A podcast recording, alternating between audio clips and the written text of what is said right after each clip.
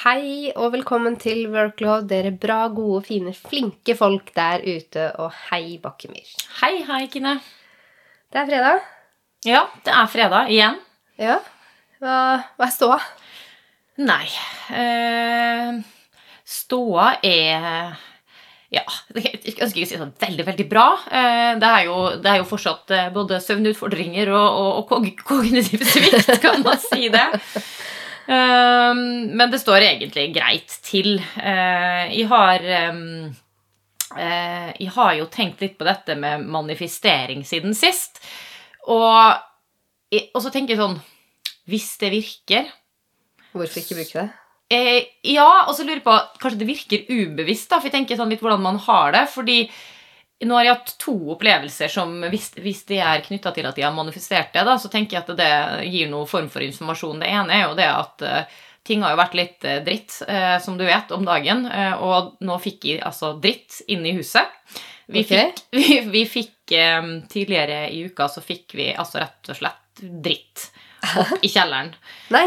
Eh, Det er nok um, knytta til er, Kanskje om det er Hans eller den der mini-Hans som kom etterpå her i Oslo.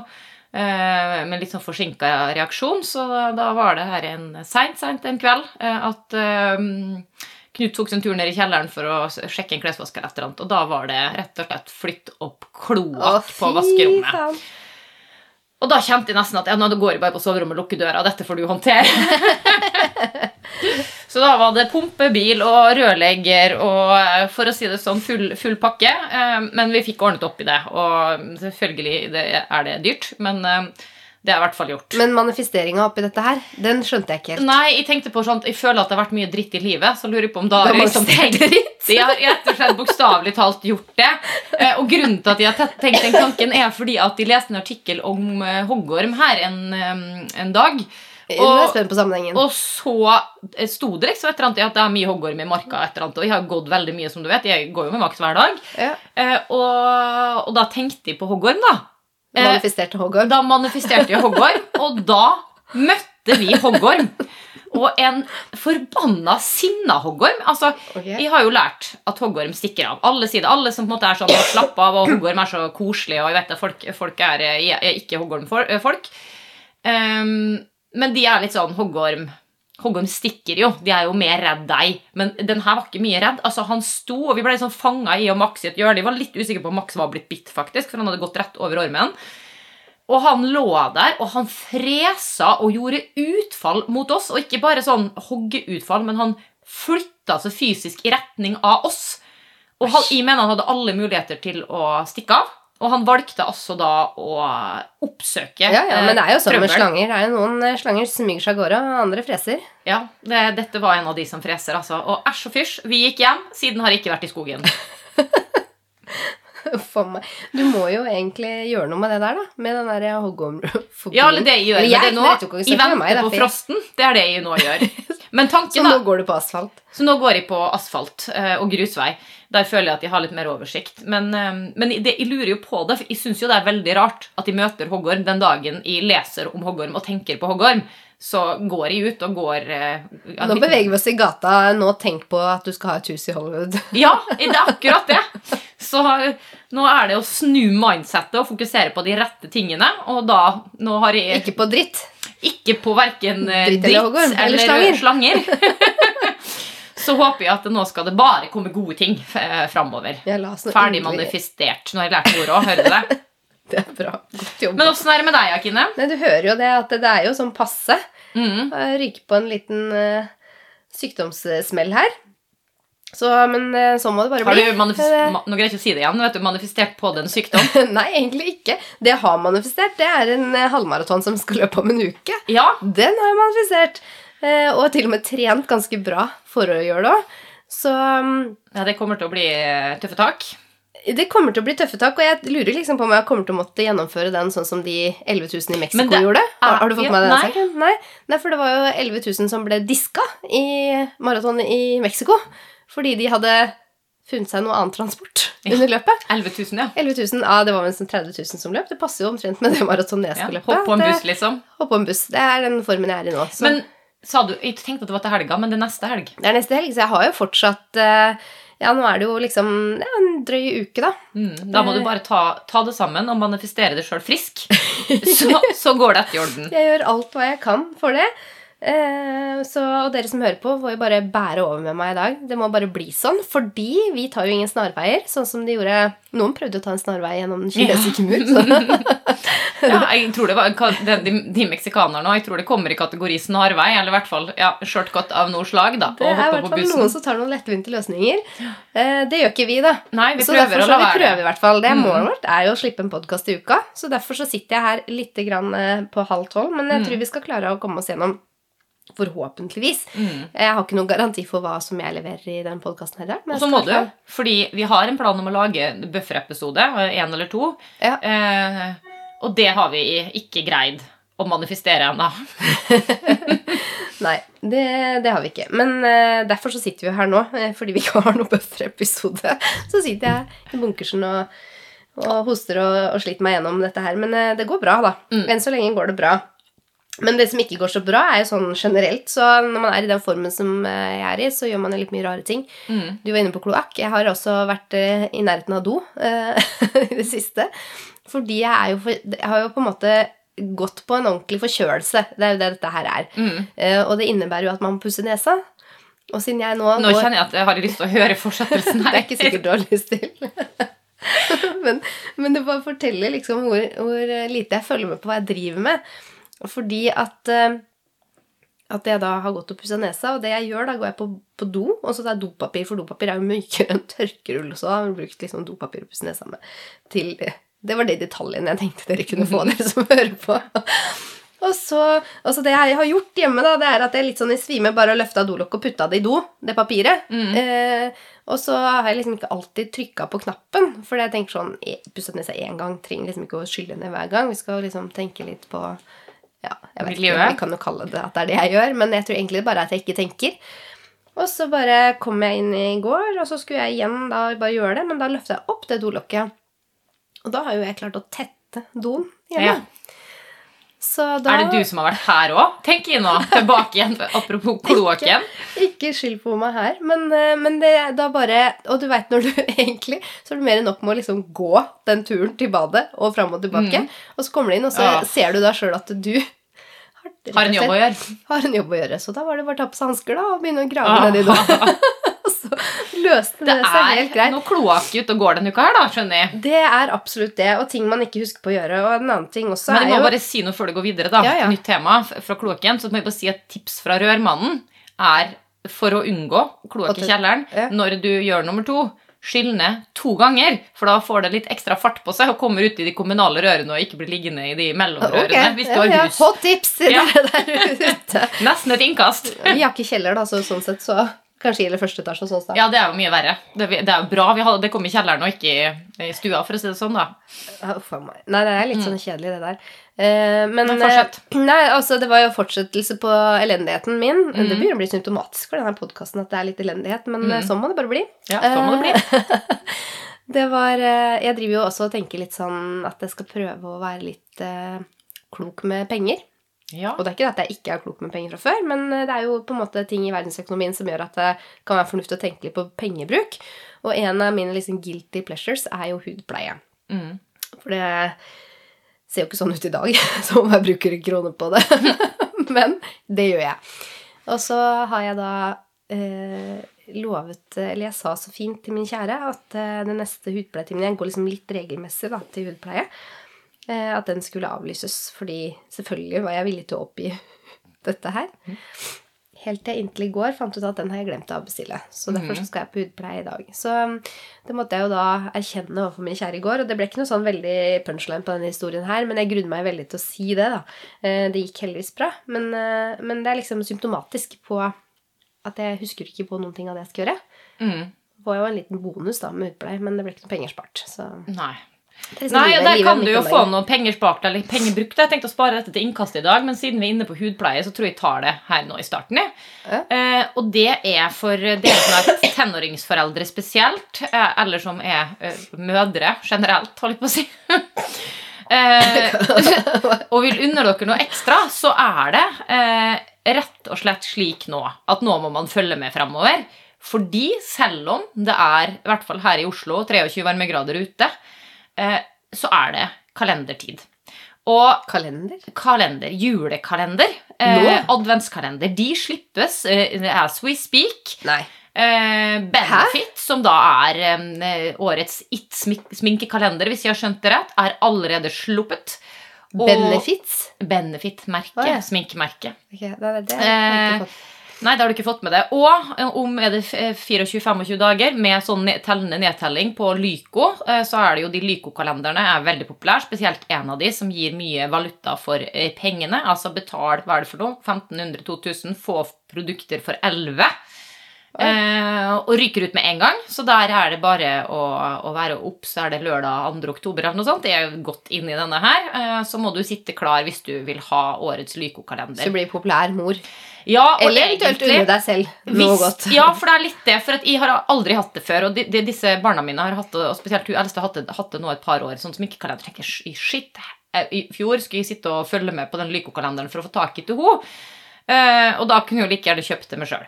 Og da gjorde jeg jo det, og det var altså eh, så digg i desember, når alt er sånn grått og tungt, så åpna du som et lite luksusprodukt hver eneste morgen. Så det er absolutt å anbefale. Ja.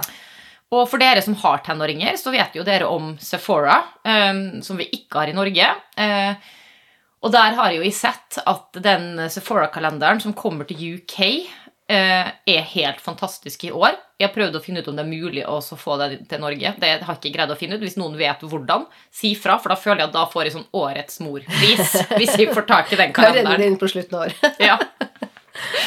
Ja, men det er bra. Kult. Det er jo mm, ikke dumt, det med kalender. Men det gjelder jo sikkert altså jeg vet ikke, men eh, altså, Du som har små unger, da, så de er kanskje ikke så opptatt av hvilken kalender de får. Nei, Nei, men hvilken kalender de får. Men de vil jo tro at der også så kom, kalendere kommer. Eh, Om det er Lego eller eh, hva er det de heter, disse Paw Patrol eller whatever. eh, Om de blir utsolgt, sånn som sminkekalendere gjør, så Det er jo en mulighet, faktisk en mulighet til å være litt tidlig ute, da. Mm. Det at man vet det nå, Istedenfor å komme sånn bakpå, så Mm. er det kanskje egentlig deilig det, å kjøpe kalenderen i oktober. Mm. Så slipper man den der PS når man er på 29. november og har glemt at det er desember som kommer. Ja, men det var godt tips. Det, og så må- det, det, det er jo ikke reklame eller noen ting. Dette er bare et godt tips. Mm. Det er det. Eh, det er viktig å si. Ja, ok. Det var egentlig innkastet ditt, men uh, Jeg har et nytt annet Ja, innkast. bra, er Kjedeligere, men da kompenserer jeg litt med dette her, som var, var litt, uh, litt mer sporty. Bra. Unnskyld, dere som hører på. Dere er, det må bare Sånn må det bare bli, som jeg sier. Ja. Og har sagt mange ganger. Det, Sånn må det bare bli. Yes. Er vi over til hva er greia med, eller? Ja. Ja. Ehm, da har jeg en liten ting jeg må lufte med deg. Mm. For at jeg kom over en eh, kommunikasjonsrådgiver Jeg hørte en, leste egentlig om en kommunikasjonsrådgiver som hadde mm, var veldig fornøyd med jobben sin. Mm. Eh, opplevde å gjøre en god jobb med intern kommunikasjon. Og um, var særdeles fornøyd med å være en flaskehals. Ok. Og det syns jeg var så gøy. For det er, altså, da, og da kom jeg til Hva er greia om å bruke ord man åpenbart ikke kan? Ja, det er Eller eventuelt bruker de med feil betydning og mening. Eh, fordi man åpenbart ikke kan de. for her var jo hele poenget til denne kommunikasjonsrådgiveren at ting skulle gå via vedkommende før de gikk ut. Smart og smidig. Ja, ja, Så kan man jo undre seg over hvorfor i all verden man gadd å ansette en flaskehals. Ja. Men, så hva er greia med å bruke ord man åpenbart ikke kan? Å, herregud, dette er egentlig veldig gøy. For det er jo, og det gjør man jo sikkert sjøl også. Ja, ja. Jeg håper jo på en måte at man Jeg håper jo at man ikke gjør det. eh, eller at vi ikke gjør det. Eh, men, men det gjør vi sikkert. Men jeg tror jo at noe av greia med det kanskje er liksom kan komme litt av litt sånn mindreverdighetskomplekser eller sånn. At man, hvis man er i en eller annen setting der man tenker at ok, her må jeg her Veldig må- viktig. ja, her krever det at jeg er litt eh, oppe rett i ryggen og smart. Yes. Ja. Og så lirer man altså noe som man ikke Og det der har man jo sett mange ganger og hørt mange ganger, på en måte, og det er jo veldig, veldig gøy. Det som ofte er kanskje litt sånn eh, et psykologisk interessant fenomen, er jo ofte at når folk gjør det, så blir det bare sånn pinlig stille. At Det er ingen som sier liksom eh, Du vet jo at alle liksom litt høflige, men, men ingen greier på en måte å, å, si noe fornuftig etterpå. Så det blir sånn hengende i lufta. Uh, og da føler jeg kanskje det kan bli sånn noen sekunders stillhet da, som gjør at du skjønner egentlig at den som har sagt det, skjønner at uh, man har dritt i på draget. Men så er det en slags Og noen ganger ikke. Men en slags enighet om at ingen påpeker det sånn Av høflighet. Yes. Ja, nei, jeg kjøper den, altså. Er, um... Jeg lurer på om vi kjører en liten jingle? Kjører vi en jingle? Ja, ok, da prøver vi. Ja, da har Kine fått hostet og harket og vurdert om hun skulle ta et sukkertøy, som hun kaller det, eller halspastill, som, eh, som vi kaller det. Jeg må si en ting, Kine, fordi av og til så merker jeg at du er småbarnsmor og, eh, og snakker, har litt annet språk enn jeg har. Og jeg må bare fortelle lytterne våre om, én en ting som du sier som jeg syns bare er fantastisk gøy. Jeg har aldri sagt det til deg før, så nå vet du ikke hva som kommer. Det her er gøy. Eh, men der vi andre eh, sier eh, nå må jeg, jeg må en tur på do. Eh? Da sier Kine altså uh, Nei, nå uh, må jeg på do fordi jeg tisser snart i buksa. ja. Og det tror jeg er en såkalt yrkesskade. Altså, eller mor, med mor som yrke, da. Eller så kan det være fordi vi snakker så lenge på telefon at jeg liksom har behov for å si sånn Jeg vil gjerne snakke videre, men du må bare vite at nå er det helt krise. Nå altså, nå er det så ille, så dette jeg Nå har jeg snakket med deg så lenge jeg kan. Nå er jeg liksom, jeg har lyst til å snakke mer, men nå må jeg faktisk skikkelig tisse. Nei, det, Jeg syns i hvert fall det er veldig veldig gøy. Og når du nå sa sukkertøy, så kom vi på deg at dette har jeg tenkt på en liten stund. At, um, ja, Man blir litt prega av konteksten sin. Det skal jeg sikkert snickers og twist. Ja. Men ok. ja. Ja, snickers og twist. Okay. Men da, dere, da er det ny spalte. er det ny spalte, og mm. det er Ikke ny, da, men en, eh, Det er neste. Yes. Pil sår tvil mm. hos Bakkemyr. Ja, hva skal vi tvile på i dag? Jeg skal, etter at jeg har vært eh, her Nå ble jeg sånn distrahert, for jeg fikk bare en sånn time på armen her som jeg venta på. Så det var egentlig bare en helt digresjon. Men nå Tilbake til fil.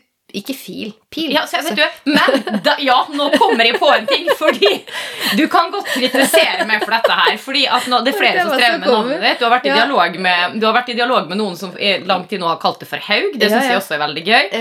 Men når du skulle fortelle om det og så i et, en eller annen sammenheng da, så sier du altså eh, ditt eget navn feil. Og, og det er jo din skyld. Fil. Ja, det, men det er din skyld, altså, Merete, fordi jeg har aldri sagt feil navn til meg sjøl. Ja, det er det du sier. Jeg begynner å tenke sånn Ja, er det fordi du har brukt å si det? At jeg sier feil? Er, er det fordi du egentlig ikke kan ditt eget navn? Nei, det er det ikke. Det er din skyld, faktisk. Og jeg ser fortsatt for meg dartpilen, men jeg bare glemmer den noen ganger. Over til pil, stor tvil, hos ja. Bakkemyr. Yes. Etter at vi har vært her nå, så tenkte jeg at jeg skulle dra og forhåndsstemme. Mm. Uh, hvis valglokalet fortsatt er åpent, da. Det får vi håpe. Ja, jeg tror det er åpent til seint på, på kveld. Ja. Uh, men det er i hvert fall planen min. Så uh, lurer jeg på om jeg skal stole på valgomat. Um, eh, valgomaten? Valgomat. Altså, det fins jo flere valgomater. Ja. Men det jeg lurer på, er én ting er skal jeg stole på den, og skal vi stole på eh, valgomater? mm. Før vi tar det endelige valget. Har du tatt valgomat i ja, år? det har mm. jeg. Ja, Er du enig med valgomaten? Eh, det kommer Jeg vil si at jeg scorer på den sida jeg trodde jeg kom til å score på. Mm. Får du Senterpartiet? Nei. Gjør du ikke det? Får ikke Jeg får alltid Senterpartiet ja. i valgomaten. Det er altså Husker jeg fra forrige valg, faktisk. Yes. jeg havner ut på Senterpartiet, enten jeg vil eller ikke. Um, så jeg kjenner at jeg stoler jo ikke på valgomaten. Um, For du stemmer ikke Senterpartiet? Jeg stemmer ikke Senterpartiet. Nei. Jeg tror jeg kanskje gjorde det ett år. Jeg tror nemlig du gjorde det, Fordi da var du litt sånn Nei, fuck. Ja. Det, her, det, hjelper jo ikke uansett hva jeg stemmer. Ja. Så i år så bare Stoler de på valgomaten? jeg tror du gjorde det, faktisk. Men jeg, jeg, jeg, jo Jeg har også kommet, jeg er også kommet på hva, det der Folkepartiet. Eller noe, det er et nytt parti som jeg aldri hadde hørt om. Ja, Det dukka opp veldig mange partier faktisk på den, for jeg tok den på VG, og da mm. var det jo veldig mange partier. Og jeg, mange jeg ikke har hørt om i det hele tatt. Mitt problem da med valgomater er at de har sterke meninger om skolepolitikk. eh, og uttrykker det til valgomaten. Og da, da er det på en måte sånn eh, De partiene som har den skolepolitikken de liker, harmonerer ikke med all annen politikk som vi vil ha. Eh, så det er krasjer. Det krasjer, ikke sant, i, valgomaten. Eh, også fordi i da ofte svarer at det er veldig For du får sånn ikke sant, Hva er veldig viktig for deg? Og det er veldig viktig. Så på en måte tror jeg nesten det overstyrer alt. Så da blir det Senterpartiet. Ja, Senterpartiet har eh, bra skolepolitikk. Eh, I hvert fall på papiret, da. Nå har de jo vært i regjering eh, Har de aldri fått mulighet til å De er jo i regjering nå, eh, men jeg syns jo på en måte de, de foretar egentlig ingenting inn mot skole. Eh, men på papiret så har de i hvert fall en skolepolitikk som, vi som jeg har sjansen for, da. Ja. Eh, men det er jo Jeg tenker jo at de valgomatene, de er eh, Nei, de, de er ikke til å stole på. Jeg tenker jo, Det er litt gøy å ta de, eh, og man kan bruke de til å liksom få opp synspunkter på en måte, og minne seg på hva den, de ulike partienes politikk og sånn diskusjon, er. da. Liksom. Ikke Ja. minst. Mm. Hvis man uh, har lyst til å dele. Ja. Men uh, med unntak kanskje av det ene året jeg stemte Senterpartiet, da tror jeg ikke at jeg har vært enig med valgomaten når jeg har stemt. Det er gøy. Ok, Nei, da er det ikke noe tvil. Valgomat ut. Jeg må ta mitt eget valg når jeg skal forhåndsstemme etterpå. Uh, ok. Innkast. Vi har vært innom ett. Du har et til. Mm. Ja, eh, jeg har sett en video, og, og det er Jeg òg. Ja, det har du òg. Ja. Mm. Jeg, jeg måtte bade jo med å se den. Eh, så, Jeg skulle bare si at jeg har gjort jobben min. ja. Eh, og det, det som er litt morsomt, uh, det er en video som Jeg er litt usikker på uh, om det faktisk er direktøren som har laget videoen. Um. Jeg prøvd å gjøre litt research på det, og så har jeg ikke orket å gjøre mer research på det. Så det, dere skal få dette som et tips, og da må dere bare tenke at det, det er mulig det er direktøren som har lagd den, eller så er det noen andre. Da er det jo selvfølgelig kred til de som har lagd den. Um, kanskje dere finner det ut når dere ser videoen, hvis dere gidder å klikke litt mer enn i orket.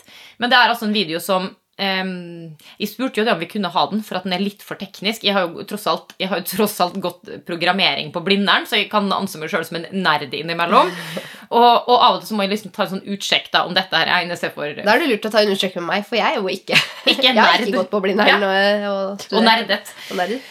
Så, men du sa dette her kunne vi gjøre, så da, da får vi gi dere det innkastet. Og det er da en video som på en eh, Jeg syns kanskje litt, litt teknisk, men likevel forståelig måte forklarer eh, hva egentlig som har truffet oss med, med uh, Generativ. Altså generativ AI, da. Og sånn på en måte hva, hva er, hvor, På hvilken måte forandrer denne eh, måten man jobber på innenfor ulike bransjer? Eh, for det er mer enn å, å, å holdt på å si, skrive e-poster og jobbsøknader eller hva det skulle være.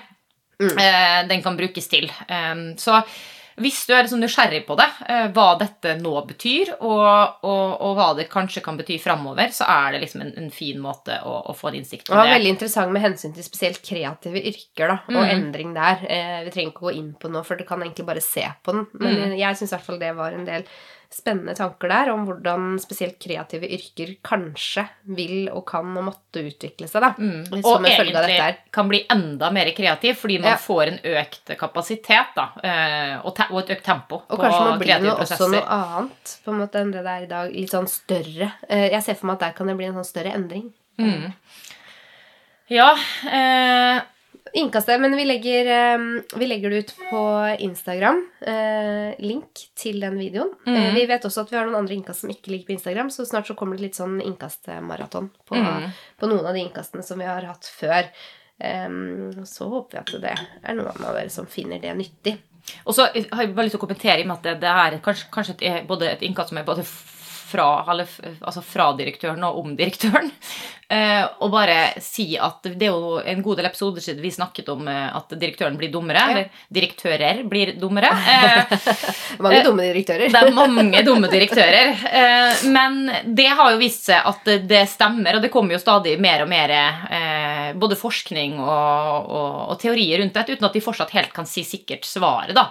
Så det er jo bare en sånn liten sånn heads up at det er noe å, å ta med seg, og at vi vet faktisk ikke helt hvordan dette her går. Det utvikler seg. Og, man, og så tenker jeg også litt på om man klarer å korrigere for det. For jeg Mm. ser jo liksom på en måte for meg, da. Og dette har jo ikke noe på en måte Det blir gjetning. Du har jo ikke gått på Blindern. Gått på høyskolen. Men eh, det så Nå satte du meg helt ut, fordi jeg har jo ikke gått på Blindern. Nei. Så nå veit jeg ikke hvor jeg skal. Kan bare Jo. si med en gang du har ikke gått glipp av noe. Der. Det er kanskje det er et symptom, ah, oi, det er et symptom på Jeg det. tror det er et sunnhetstegn å ikke ha gått der. Ja. kanskje, kanskje ikke. Men, eh, men det med, med at det korrek- altså på et eller annet vis finnes, kommer til å komme en løsning på det, da, med den fordumminga. Jeg ser liksom for meg at det, det er litt sånn spennende framover nå, for å se hvordan de løser det, da. Mm. Og blir alle direktører dumme? Ja, og hvilke, og til hvilket bruk. Mm. For jeg tror jo at noe av det, også det generative, eh, har kommet for å bli, jeg, da. Eh, Og det kan godt hende jeg tar feil, men jeg, det, i dag tror jeg ikke jeg tar feil. Og da tenker jeg bare siden vi, siden vi ser at vi stadig øker på lytterfronten, så har vi kanskje noen nye lyttere i dag. Direktøren som vi nå snakker om, er altså eh, navnet vi bruker på ChatGPT. Ja. Ja. Um, så er det ingen tvil om hvem direktøren er i vår podkast. ok, jeg tror vi skal bevege oss til um, krasjkurs i dag. Ja, det Det er er- et gøy tema. Ja, det er spennende, syns jeg. Ehm, vi skal snakke om kanskje to begreper i hovedsak. Eh, utgangspunktet er egentlig et ord. Forankring. Mm.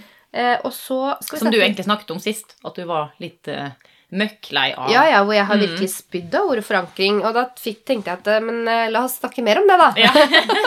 Det blir aldri nok forankring. Det er sånn åh, Ja, man oppsøker, vet du, skiten. Eh, Yes, det er akkurat det, men kanskje vi kan prøve å gjøre det litt eh, mindre skit, da. Mm. Ved å snakke litt om hva det egentlig er. Og så skal vi snakke litt om smidig arbeidsmetodikk. For det er jo også et sånt begrep som er skikkelig up and coming. Mm. Det er en haug av stillinger ute på LinkedIn, på Finn, på egentlig alle plattformer. Alle vil ha smidig kompetanse. Alle vil ha smidig kompetanse, eller agil kompetanse. Det er jo Mm. to sider av samme sak, kanskje. Og for en som har gått på Blindern, så kan jo jeg si at denne metodikken kommer fra teknologiens verden. Ja. eh, Og at smidig som arbeidsmåte da eh, har vært brukt eh, Eller agilt, da, det, det amerikanske eller engelske begrepet. Om altså måter å jobbe med programvareutvikling på. Ja. Men så har det jo nå bredd om seg, og i hvert fall elementer av det, og noe metodikk knytta til det. Mm. Eh, og ikke minst kanskje tankesett og verdisyn knytta til det. Eh, også type inn i mer sånn kunnskapsbedrifter Mm. og andre type eh, sektorer enn en tech-sektoren, da. Ja, og det som jeg har prøvd å få litt sånn eh, grep om, er jo hva det egentlig er. Vi har jo Mhm. snakka litt om det egentlig en stund, ikke sant? Fordi Altså, hva eh, Og jeg har spurt de som jobber med metodikken, eller Mhm. med, som har smidig kompetanse, og liksom Ja, men hva er det egentlig? Mm. Um, og det er ikke sikkert at vi sitter på noen fasit, men, men vi har, eh, forståelsen for hva det er, den, den uh, begynner i hvert fall å øke hos meg. Mm. Uh, samtidig, og da, da er det en del ting som, eh, som jeg tenker at eh, faller godt inn i måten vi jobber på. Jeg vil jo si da at vi jobber smidig uten at vi bruker, eh, og har brukt i hvert fall, begrepet agil og smidig. Men eh, ut fra min forståelse av smidig, så er det veldig mye sånn mindset vi to har da, når Mm. vi har jobba sammen i de Mm. åra vi har jobba sammen. Og det er jo Eh, det at det, er veldig sånn relasjonsorientert, Ja. veldig fleksibelt og, og veldig fokus på kontinuerlige tilbakemeldinger og forbedringer og små mini-mini-justeringer. Og, og veldig mye av det vi sjøl har erfart i mye utviklingsarbeid. Og liksom at teamarbeid også. Tverrfaglighet, teamarbeid er Mm. også på en måte kanskje litt sånn sidespor på ett vis, men det er jo det. Det, det henger jo sammen. Alt Mm. dette henger sammen. Sånn som vi forstår det, i hvert fall. Ja. Um, så, men ok, skal vi starte med litt sånn definisjon? For det er jo forankring. Vi starter med det ordet. ja, for det tror jeg folk bruker på utrolig mange forskjellige måter. Jeg tror ikke legger... de bruker hele tida, men det, ja, ja. Det gjør de òg. Folk generelt. Sikkert vi òg. jeg, har brukt så, jeg har brukt Ja. så. Det er kanskje det ordet jeg har brukt mest i min karriere. Det kan Ja. nesten gjette på. Men tror du har slutta litt å I bruke det? tillegg da? til 100 Ja. Men det er mest det siste. Ja, Du har bytta ut forankring med 100% Jeg er mest opptatt av 100 av noen drit i forankring. Men vi spurte jo direktøren da Ja. eh, om en definisjon på forankring. Eh, og selvfølgelig, det er jo noe, altså, Da snakker vi egentlig inn i ledelsesperspektiv eller organisasjonsperspektivet, ikke, ikke som forankring i Jeg holdt på å si øh, Kan du forankre en båt? Et skulle bygg? Eller noe det, sånt? Hvor er det du bruker? Forankrer du båten? Du gjør Ja. sikkert det. Du kaster anker, i hvert fall. Så Ja. du forankrer jo båten i brygga, da. Ja, det kan Ja. du. Ja. Det, vi er ikke så gode på, på den tekniske bruken av ordet forankring, men den, den mer abstrakte bruk, eh, bruken. da. Ja. Så, og Der sier direktøren at det handler om en sikre en bred aksept og forståelse av organisatoriske beslutninger på tvers av organisasjonen. ja, så lett som bare det. Mm. Og smidig arbeidsmatikk, da, en tilnærming til arbeid som fokuserer på fleksibilitet, samarbeid og kontinuerlig forbedring. Ja. Så på en måte um, To forskjellige ting, men to ting som kan henge sammen. Vi har brukt direktøren litt her nå. Og kan jobbe med hverandre og mot hverandre. Det har jo vi snakket en del om. Nettopp. Mm. Uh, og hva tenker du på da? Jeg tenker på eh, at veldig avhengig av definisjonen av forankring, så kan du, eh, kan du på en måte påvirke mulighetene for å jobbe smidig. Ja. Si at du, hvis du overforankrer, ikke sant? at man låser seg i eh, Si at det er en toppledelse som er veldig Si litt detaljstyring, jeg er litt kontrollerende. Mm. Klasj inn en dose fryktkultur. eh, og, så prøv, og så prøver du Ja, utrygghet. Så prøver du da å jobbe smidig og fleksibelt. Da, det for å si det sånn, det krasjer. Ja. Um, mens hvis du tenker på forankring mer som at uh, si, og, og også sier forankring, fordi ofte så Ofte så brukes det, og det tror jeg kanskje er feil bruk av forankring, men ofte så brukes det liksom sånne setninger som 'det er forankra i ledelsen'. Ja, ja. Mm. Ja, det, og det har jo jeg vært veldig opptatt av, at ting skal forankre i ledelsen. Jeg begynte jo med det. Mm. Jeg var det altså i starten av min karriere. Spesielt når jeg begynte å jobbe mer sånn på systemnivå. Mm. Eh, at jeg var veldig opptatt av at det var forankra i ledelsen. Og så har jeg snudd veldig på det. da. Altså, Nå er jeg sånn jeg nesten eh, driter i om det er forankra i ledelsen, så lenge de vil det vi skal. hvis Ja. du skjønner. Men så er jo akkurat det der igjen det med betydningen. ikke sant? Fordi at jeg tenker liksom at jeg kan nesten kaste opp på det her, ja, det er forankret i ledelsen, men grunnen til at jeg syns det er problematisk, er at jeg tror ofte man mener at når man bruker det sånn, da, så sier man det er forankret i ledelsen, så er det det samme som å si at ledelsen har på et eller annet tidspunkt i et eller annet dokument eller som er Mm. satt et eller annet mål, som på en måte Det er forankringa. Ja. Mens forankring, hvis jeg skal bruke min definisjon av det, Ja. Etter at vi nå har tygd litt på det, Mm. eh, så tenker jeg at det handler jo om når ledelsen tydelig gjennom sin væremåte og sine handlinger og strategiske beslutninger tydelig signaliserer at vi skal en retning. Det Mm. innebærer å etterspørre og tilrettelegge for Ja. en, en uh, Si hvis det er smidig, da. Vi, vi har forankra at vi skal jobbe smidig. Ja. Så må de sjøl jobbe smidig. Nettopp. Ikke sant? Nettopp. Eh, og de må kommunisere og etterspørre Ja. eh, i alle prosesser de gjør. Eh, smidig eh, arbeidsform, da. Ja. Eh, Og de må også finne ut av hvordan de gjør akkurat Ja. det. da, og Mm. For det er jo det som eh, kanskje gjør meg litt sånn fed up med det ordet forankring, er jo at det liksom Det er akkurat det du sier, da, med at det står i en strategisk plan, eller vi har satt et mål, eller Vi har jo sagt at dette skal vi gjøre, mm, eh, men så er det nettopp de handlingene Mangel, mangel på handling Mm. som viser at vi mener det. mm, Eh, og det handler kanskje også litt om det med indre forpliktelse hos de som det er forankra hos. da. mm. Eh, Og kan man egentlig si at det er forankra, hvis ikke de sjøl etterlever det? Jeg snakka med en eh, venninne her eh, en tid tilbake igjen som fortalte at hun hadde vært på eh, et seminar som bl.a. handlet om psykologisk trygghet og tilbakemeldinger. Eh, og der Hun holdt et innlegg. Eh, og, og så får hun masse tilbakemeldinger av kollegaer som sier at dette var kjempebra. Ingen tilbakemeldinger fra ledelsen som er opptatt av tilbakemeldinger og har bestilt en tilbakemeldingskultur i organisasjonen. ikke sant? Og da, det er da på en måte, da tenker jeg da, da, I mitt vanskelig så kan du ikke det, si at det er forankra. Og, og for meg så blir det litt sånne ja, skinnprosesser. det er akkurat det. Der man driver og later som, eh, og så stiller man, og som vi alltid har sagt, da, det som leder, å stille høyere forventning til folk under det enn du stiller til deg sjøl, det er på en måte Urimelig. Det er urimelig eh, og uredelig og eh, bare, syns jeg, slemt. Ja, så tenker jeg man her, Skal man få med seg en organisasjon, så må du på en måte jobbe på den måten du mener det er riktig å jobbe på. da, Sjøl også. Da må du ta inn over deg ikke bare ordene, men handlingene. Og det, det tror jeg liksom det er mye å gå på. Det handler om utvikling. Personlig utvikling også hos toppledere. da. Ja. Eh, og det er jo en vei, og det vet jo vi også, for vi jobber jo også hele tiden med å utvikle oss selv da, og faktisk etterleve og vise at vi når vi mener noe, så gjør vi det også. Og det Ja, og så der har jeg lyst til å si noe, fordi vi har jo snakket om på en måte det med mm, altså, lærende samtaler og liksom ja, psykologisk trygghet og den væremåten og sånn, fordi at eh, altså, Jeg har jo jobba mange år som leder sjøl, så jeg vet jo på en måte hvor vanskelig alt dette her er. Mm. Og det er viktig for meg å si at jeg prøver ikke å kommunisere, eller jeg mener ikke at ledere må være perfekte. Nei. Men du må være åpen som leder og si sånn eh, for da, at vi skal jobbe med tilbakemeldinger. Eh, og det må jeg jo jobbe med. Jeg er ikke god på det, jeg Mm. heller. Vær så snill, si fra til meg når dere tenker at jeg glemmer å gi dere tilbakemeldinger. Eller vi skal jobbe smidig. Nå driver jeg og lærer meg hva det innebærer, og dere skal lære det sammen med meg. Mm. Eh, og vi må hjelpe hverandre, og det er kjempeviktig for meg at dere tør å si fra hvis dere opplever at jeg har handlingsmønstre eller atferd som gjør at det blir vanskelig for dere å jobbe smidig. Ikke sant? Så det, Og det er et viktig Ja. annet aspekt i det også, med å gjøre det, som jeg syns også øh, Og kanskje blir det mer og mer viktig i arbeidslivet nå, og det at ledere viser sårbarhet. da. Og det skaper jo også, i hvert fall teoretisk sett, men jeg tror på det, da, mm. en tillit eh, medarbeider-leder, da. Mm. Eh, så, men, men igjen, vi kommer litt tilbake til det, det handler jo om kultur og rom og mulighet for å faktisk gjøre disse tingene her. Mm. Og det, det, det går på organisasjonsnivå også, som du var inne på det, ikke sant, med trygghet som må være i bunn for at Mm. du også skal kunne jobbe godt sånn som leder.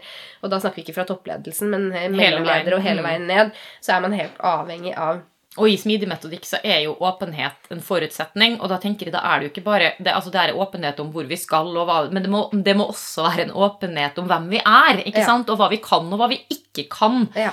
På alle nivåer i organisasjonen. Eh, Og det må være trygt å snakke om det. Og det, det er Mm. sånn som jeg oppfatter smidig metodikk, så er faktisk veldig mye av grunnlaget for å jobbe med det, er det med å klare å etablere psykologisk trygghet. Mm. Og da er det liksom tilbake til Amy Edmundsen og de tingene vi snakket om i en, var det forrige episode eller episoden før. ja. Eh, at det er liksom et sted å starte, og du må på en måte Mm. Og en forutsetning. forutsetning, og da er det skummelt å hoppe bukk over det. Altså. Mm. Det er veldig, og det tror jeg rett og slett er veldig skadelig for en Mm. organisasjon.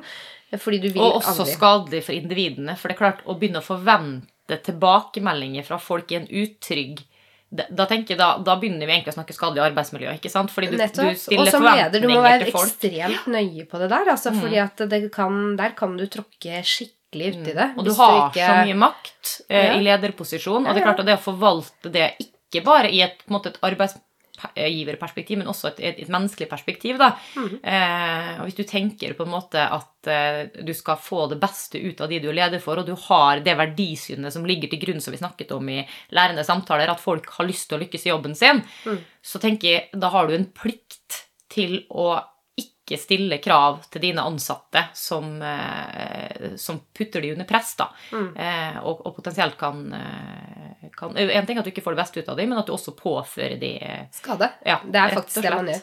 Eh, og nå drar vi nå liksom ut i ytterste konsekvens, mm. men samtidig ikke. Hvis man skal ha en bevissthet, da, det er vel egentlig det vi prøver å si, mm. knytta til hvor viktig du er, og dette går fra toppen og går ned, og det handler ikke om den enkelte leder alltid heller, det handler mm. om hele organisasjonen. Og det handler jo sikkert om mange andre områder òg, men grunnen til at jeg tok opp dette nå i forhold til smidig metodikk, er jo nettopp fordi at eh, det, er jo type andre metoder som har vært trendy tidligere, og sånn, og, og det man ofte kan se, da, er jo at eh, vi som ledere ofte kan ha en tendens til å hoppe på slike trender uten egentlig å liksom gå inn i det, og så begynne å forvente på en måte endringer i organisasjonen vår. da, eh, Som på en måte skal kunne tilpasse seg det som skjer rundt. Kanskje gjerne uten at man som leder tilpasser seg. Eh, og på en måte hvor eh, problematisk det kan være, da, og at, eh, at det, det er viktig på en måte at når man utsetter en organisasjon for noe, så må man tenke for at en organisasjon består av mennesker som har rett til et trygt og godt arbeidsmiljø med forutsigbarhet. Mm.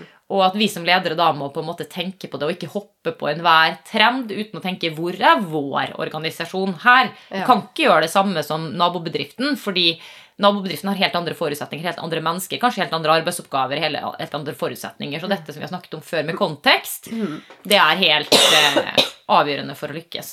Skal du ta det et sukkertøy? Vi tar et sukkertøy. Ja. Da har Kine fått eh, tatt et uh, sukkertøy og hostet litt grann før vi nå fortsetter. Hvor var vi, Kine? Ja, Det er ikke godt å si. Vi snakket jo om eh, Nå husker jeg, jeg husker ikke hvor vi var, ja, men vi snakket om det vi kan gjøre uansett. Uansett hvor vi var. Ja. Så tenker jeg at vi har jo spurt direktøren litt eh, for å ha noe å reflektere rundt. Om en oppskrift da, eh, på hvordan vi kan få til det med å gjennomføre eller jobbe smidig, vil jeg si. Ikke Ja. gjennomføre nødvendigvis en smidig prosess, men å jobbe smidig. Mm, Som jo, som vi oppfatter det, handler om et mindset mm, mer enn et verktøy eller noe sånt. Det er Man kan bruke verktøy i det mindsettet som man kan passer til det. det er litt Mm. sånn som vi tenker med teknologi. Og? Alt for å støtte opp under noe. Mm. Så finnes det også masse verktøy som kan støtte, støtte opp under en smidig Mm. prosess. Men her, vår forståelse av det er i hvert fall at det handler om et mindset og en måte å være på. Mm. Og det er de menneskelige faktorene i stor grad da, som utgjør om man lykkes med en smidig prosess eller ikke.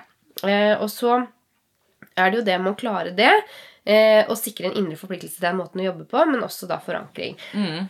Og så har vi fått en oppskrift fra direktøren da, på hvordan vi kan fall, tilrettelegge for det. Mm. Og vi liker jo den oppskriften, så den har jo vi den kunne jo vi tatt patent på. ikke sant? Sånn, det er, er ikke sånn, sånn har vi jobba i Sånn jobber Sånn jo vi. jobber jo vi, vet du. Det er faktisk, akkurat det der er faktisk en, det, det, det snakkes om i den videoen òg. Hvem eier egentlig? ikke sant? Når vi ber eh, han direktøren, eller hun direktøren, eh, om å generere masse greier til oss, basert Mm. på masse input og justeringer som vi gir underveis, hvem er, eier da det produktet som Mm. kommer ut, da? Enn så lenge er det oss. Nå. Enn så lenge eier vi dette her. Ja, men Det er interessant. Det tror jeg ingen har noe svar på. Jeg- Sånn, eller, hvem vet? Hvis noen av dere der som hører på, veit noe mer om det, eller har hørt hvor liksom, har noen tips, så bare send inn. Hvor vi, hvor vi kan også skaffe oss den kunnskapen. Mm. Men vi følger litt med og har ikke helt klart funnet ut av det. Så Men da sammen med direktøren da, så har vi skissert en, en tilnærming til Det dette. god måte å løse det på. Yes. Vi eier det sammen. Sammen med direktøren har vi skissert en løsning der, Ja. man kan, der, vi, der det ligger fem steg, kan man kanskje kalle det, Mm.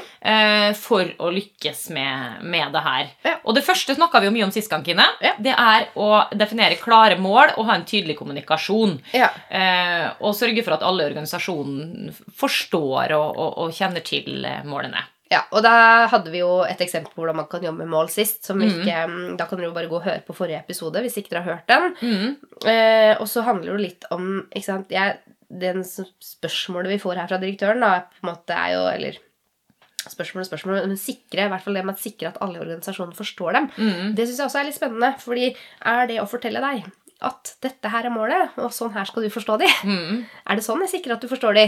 Eller kan jeg gjøre det på andre måter? Mm. Eh, nei, altså Vi kommer jo litt over i det neste punktet vårt, som er inkluderende beslutningstaking. Ja, fordi jeg tenker jo at disse, disse to tingene henger eh, veldig tett sammen. Fordi eh, hvis du skal få til å jobbe, da, og skal, på en måte, altså smidig skape indre forpliktelse og alt dette her, så tenker jeg at du må ha en fleksibilitet eh, som leder eller ledergruppe, eller hvem den er da, som, som styrer dette, eller teamet, da, for den saks skyld. Eh, men det er jo en eller annen form for, noen, noen har gitt noen et eller annet form for oppdrag da, som skal løses, f.eks. Og da tenker vi at eh, da må man jo eh, kanskje formidle, da. Eh, og jeg bare minner om igjen det med at det må ligge noe kultur til grunn, noe psykologisk trygghet og alt mulig for at dette her skal være mulig å gjøre sånn som vi beskriver nå. Det, det er viktig å si. Ja. Men sett at det ligger til grunn, da. Eh, organisasjonen er der den er og er kapabel til dette her. Og dette teamet som har fått dette oppdraget, eller skal få et oppdrag, er det. Eh, og da tenker jeg at da handler det jo om å kommunisere disse målene eh, til og sammen med teamet som skal løse oppdraget. Ja. Og veldig ofte, men ikke alltid, så kan det også innebære en fleksibilitet i målformuleringer, tenker Ja. vi da. Mm. Ja, og det er viktig, syns jeg. da At det er mange måter Noen ganger så kan man jo sette mål sammen. Max, nå må du legge det. Ja, Snakk videre, du, Kine. Skal få han til å ligge fint her. Eh, noen ganger så kan det handle om at man kan sette målene sammen, og det er jo kanskje det aller beste for å liksom få til det. Men så er det som du sier, noen ganger er det ferdig, det, men det handler det også om å jobbe med hvordan forstår vi, apropos kommunikasjon. Det er jo vanskelig.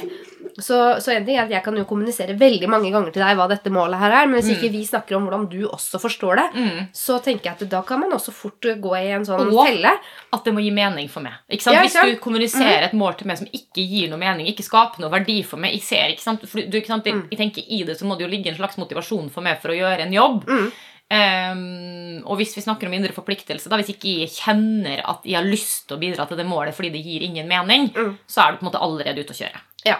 Og da må man jo også finne ut av Da er vi tilbake til eh, open to learning-samtaler. Mm. Hvorfor er du eventuelt ikke imot det? Hvis jeg da, som din leder Mm. tenker at dette målet her er Gir jeg, mening. gir mening for meg, Mm. mens ikke for deg. Så, men det er en annen episode. Men, men i hvert fall det der med å ha en bevissthet knytta til hvordan du formidler dette med mål, men at det er lurt å komme til et punkt hvor målene er klare og tydelige for alle som er involverte, som skal jobbe mot det målet. Mm.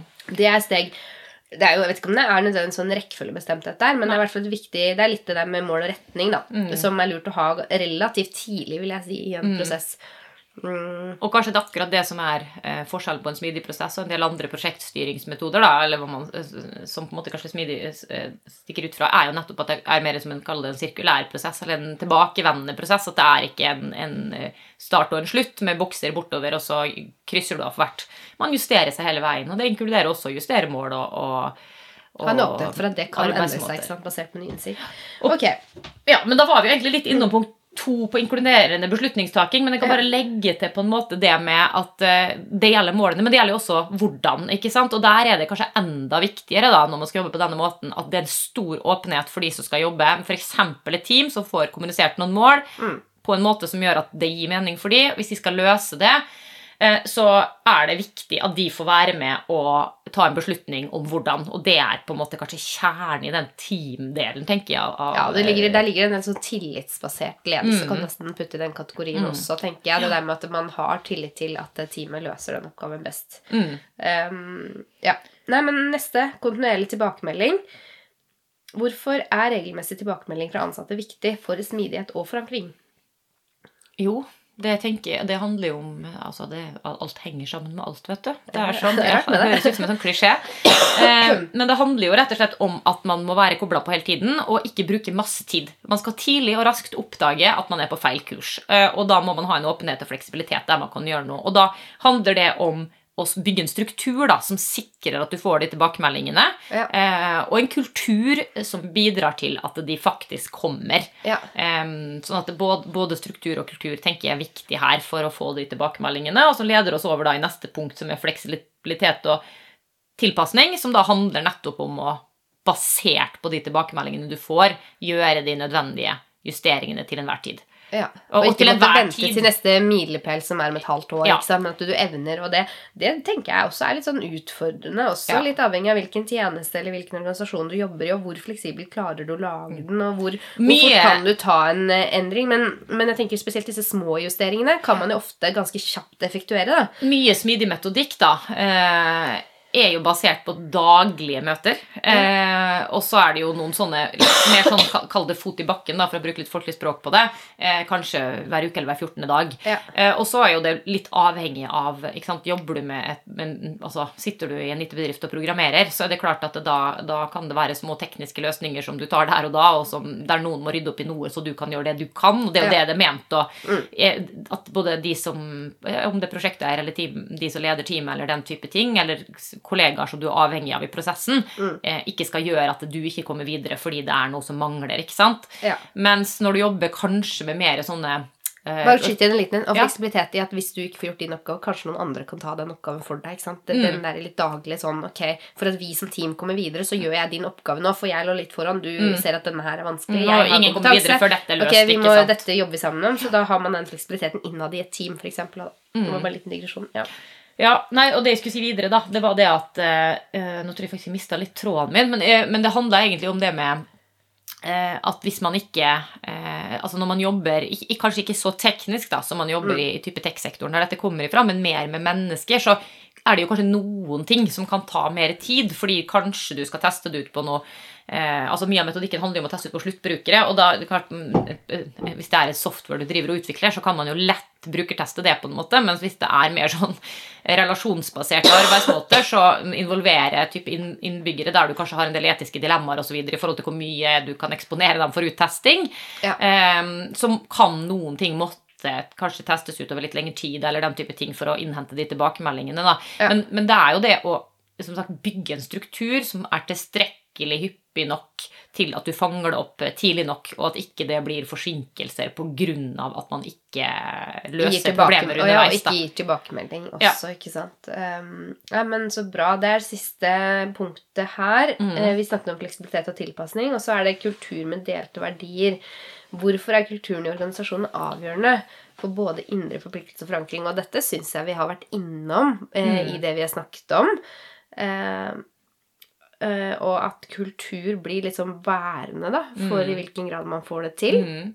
Og så det som kanskje kunne vært interessant å snakke om her, som jeg ikke tror vi har tid til å gå så dypt inn i i dag, men det er jo egentlig ikke sant, hva, hva er på en måte godt nok Ja. som kulturgrunnlag før du kan starte med denne type måten å jobbe på. Vi snakka jo litt om det tidligere når vi snakka om involvering. ikke sant? At, eh, At det handler om på, altså, er, hvor er organisasjonen, og hva kan du utsette den for? Um, Og så lurer jeg litt på det der med, på ting. Ja, for det med rekkefølge Mm. synes jeg er litt sånn spennende, fordi gjennom å jobbe med liksom smidig eh, tankegangen, kan man da også bidra til å bygge trygghet. Hvis man på en Mm. måte gjør det i en takt som er hvor, man, hvor det ene, man hensyntar det ene hensyntar det andre. da. Jeg vet ikke om Mm. du skjønner helt hva jeg mener, men, men sant? det er jo noe med at vi gjør ting sammen også, og det Mm. at vi gjør ting sammen på gode måter, bygger også trygghet, da, Uh, har jeg tenkt. Jeg, jeg tenker jo da, uten at jeg er noen ekspert på det området, men jeg tenker jo jeg, altså, her at dette med åpenhet er veldig viktig igjen. da, ikke Ja. Altså Det å si helt åpent at vi er Nå er vi Eller som leder, da, toppleder, så tenker jeg at vår organisasjon er her, Ja. og vi skal hit. Ja. Eh, og jeg, jeg tror det gjør vi med å jobbe på denne måten, og målet er at vi skal se slik ut. Ja. Eh, ikke sant? Det jeg tror som kanskje gjør at det går gærent noen ganger, er at man ikke sier det. Man bare begynner med noe som Ja. ikke gir mening for folk. Og så skjønner man ikke ja, hvorfor virker det ikke, hvorfor tør ikke folk å si fra, eller ikke sant? det kommer etterpå hvis du starter en prosess, og så ja, men hvorfor ble ikke dette sagt? Og så tenker jeg jo, kanskje fordi du verken hadde strukturer eller kultur, altså skapte, du hadde ikke tryggheten nok, og du hadde ikke arenaen, og det var mulig å si fra. Mm. Og så skjønner du på en måte ikke som leder etterpå hvorfor, eh, hvorfor ingen sa noe på et tidligere tidspunkt. Og da må er- vi bare tilbake til at leder, ledere blir ledere ofte fordi de er de som ja, eller det skal jeg ikke si, det finnes mange feige ledere òg, det må jeg bare si. Men, men i utgangspunktet så er jo ledere personer som stikker seg litt ut, så man kan fort liksom overvurdere organisasjonen, og det har vi snakket om før. Mm. At, det, at, det, at man tar litt eh, for lett da, på dette med trygghet. Mm. Um, eh, og så tenkte jeg på det der med Vi skal begynne å runde av nå, men hvordan man kan jobbe med dette her. da, å, Og da tenker jeg kanskje litt mer sånn inn i team, eh, inn i personalgrupper. Eh, Inn i, for La oss si det er en omorganisering, man skal etablere noe nytt. Det å jobbe litt mer med f.eks. verktøy som teamkontrakt kan jo være en sånn, et verktøy som kan hjelpe til litt. Det løser løser ingenting, fordi det er litt som spilleregler. ikke sant? At vi Mhm. kan godt skrive på papir, men hvis igjen ikke er forplikta til det og ikke forstår hvorfor, så, så på en måte eh, etterleves ikke det når det trengs. da, Det er det som er hele poenget, at vi kan sitte i et rom og være veldig enige, men når det faktisk drar seg til, Mm. det at man kjenner at man eier eller har den felles kontrakten, da. Mm. Så, og det vet jeg at teamkontrakt er vel sånn eh, eh, hyppig brukt Mm. verktøy, spesielt i smidig metodikk, da, hvor man snakker, og egentlig handler om å etablere grupper, da, ikke sant? Mm. Man snakker om disse tingene her før man går i gang og gjør jobben. Mm. Og det å ta seg tida til det. Mm. Og, og min erfaring fra prosjekter som jeg har vært med i, er at vi snakker veldig bruker masse tid på konseptfasen, men det er Mm. alt er knytta til saken, på en måte. Mm. Og så hopper man over det som handler om hvem er vi, og hvordan skal vi som team fungere best mulig sammen. Og der er jo i, i smidig, smidig, smidig tilnærming, da, kaller det det, om ikke en smidig metodikk, så, så er det jo ofte bruk av smidig coach. Og jeg tror jo på en måte på det å ha denne som kanskje litt sånn uavhengige, upartiske personen inn, som ikke har en agenda, som f.eks. en prosjekteier eller prosjektleder har, eh, eller teammedlemmene som kanskje eh, har ulike te samarbeidende tjenester eller eh, samarbeidende produkter, eller hva det er, og skal få til noe sammen, så har liksom alle sin egen agenda i det. Og noen som kan på en måte gå inn og se ok, hva er her på en måte driverne for denne utfordringen vi står i nå. ikke sant? Er det en, er det en personkonflikt her? Er det, er det faglig uenighet det ligger til grunn? ikke sant? Å få disse tingene i trygge, gode rammer opp på bordet fra en person som på en måte ikke da har noe Agenda. agenda, agenda eh, Ja. annet enn å få teamet til å fungere. da. Nettopp. Ok, men jeg tror vi skal runde av dette krasjkurset. Vi har vært innom um, forankring, forpliktelse og um, Altså indre forpliktelse og smidig prosess. Og jeg har bare lyst til å oppsummere da disse punktene som kan gjøre at man i større grad klarer å jobbe smidig. Det er én, er at du har klare mål og tydelig kommunikasjon. To, inkluderende beslutningstaking. Tre, kontinuerlig tilbakemelding. Fire, fleksibilitet og tilpasning. Og fem, kultur med delte verdier. Og med det så sier vi takk og farvel.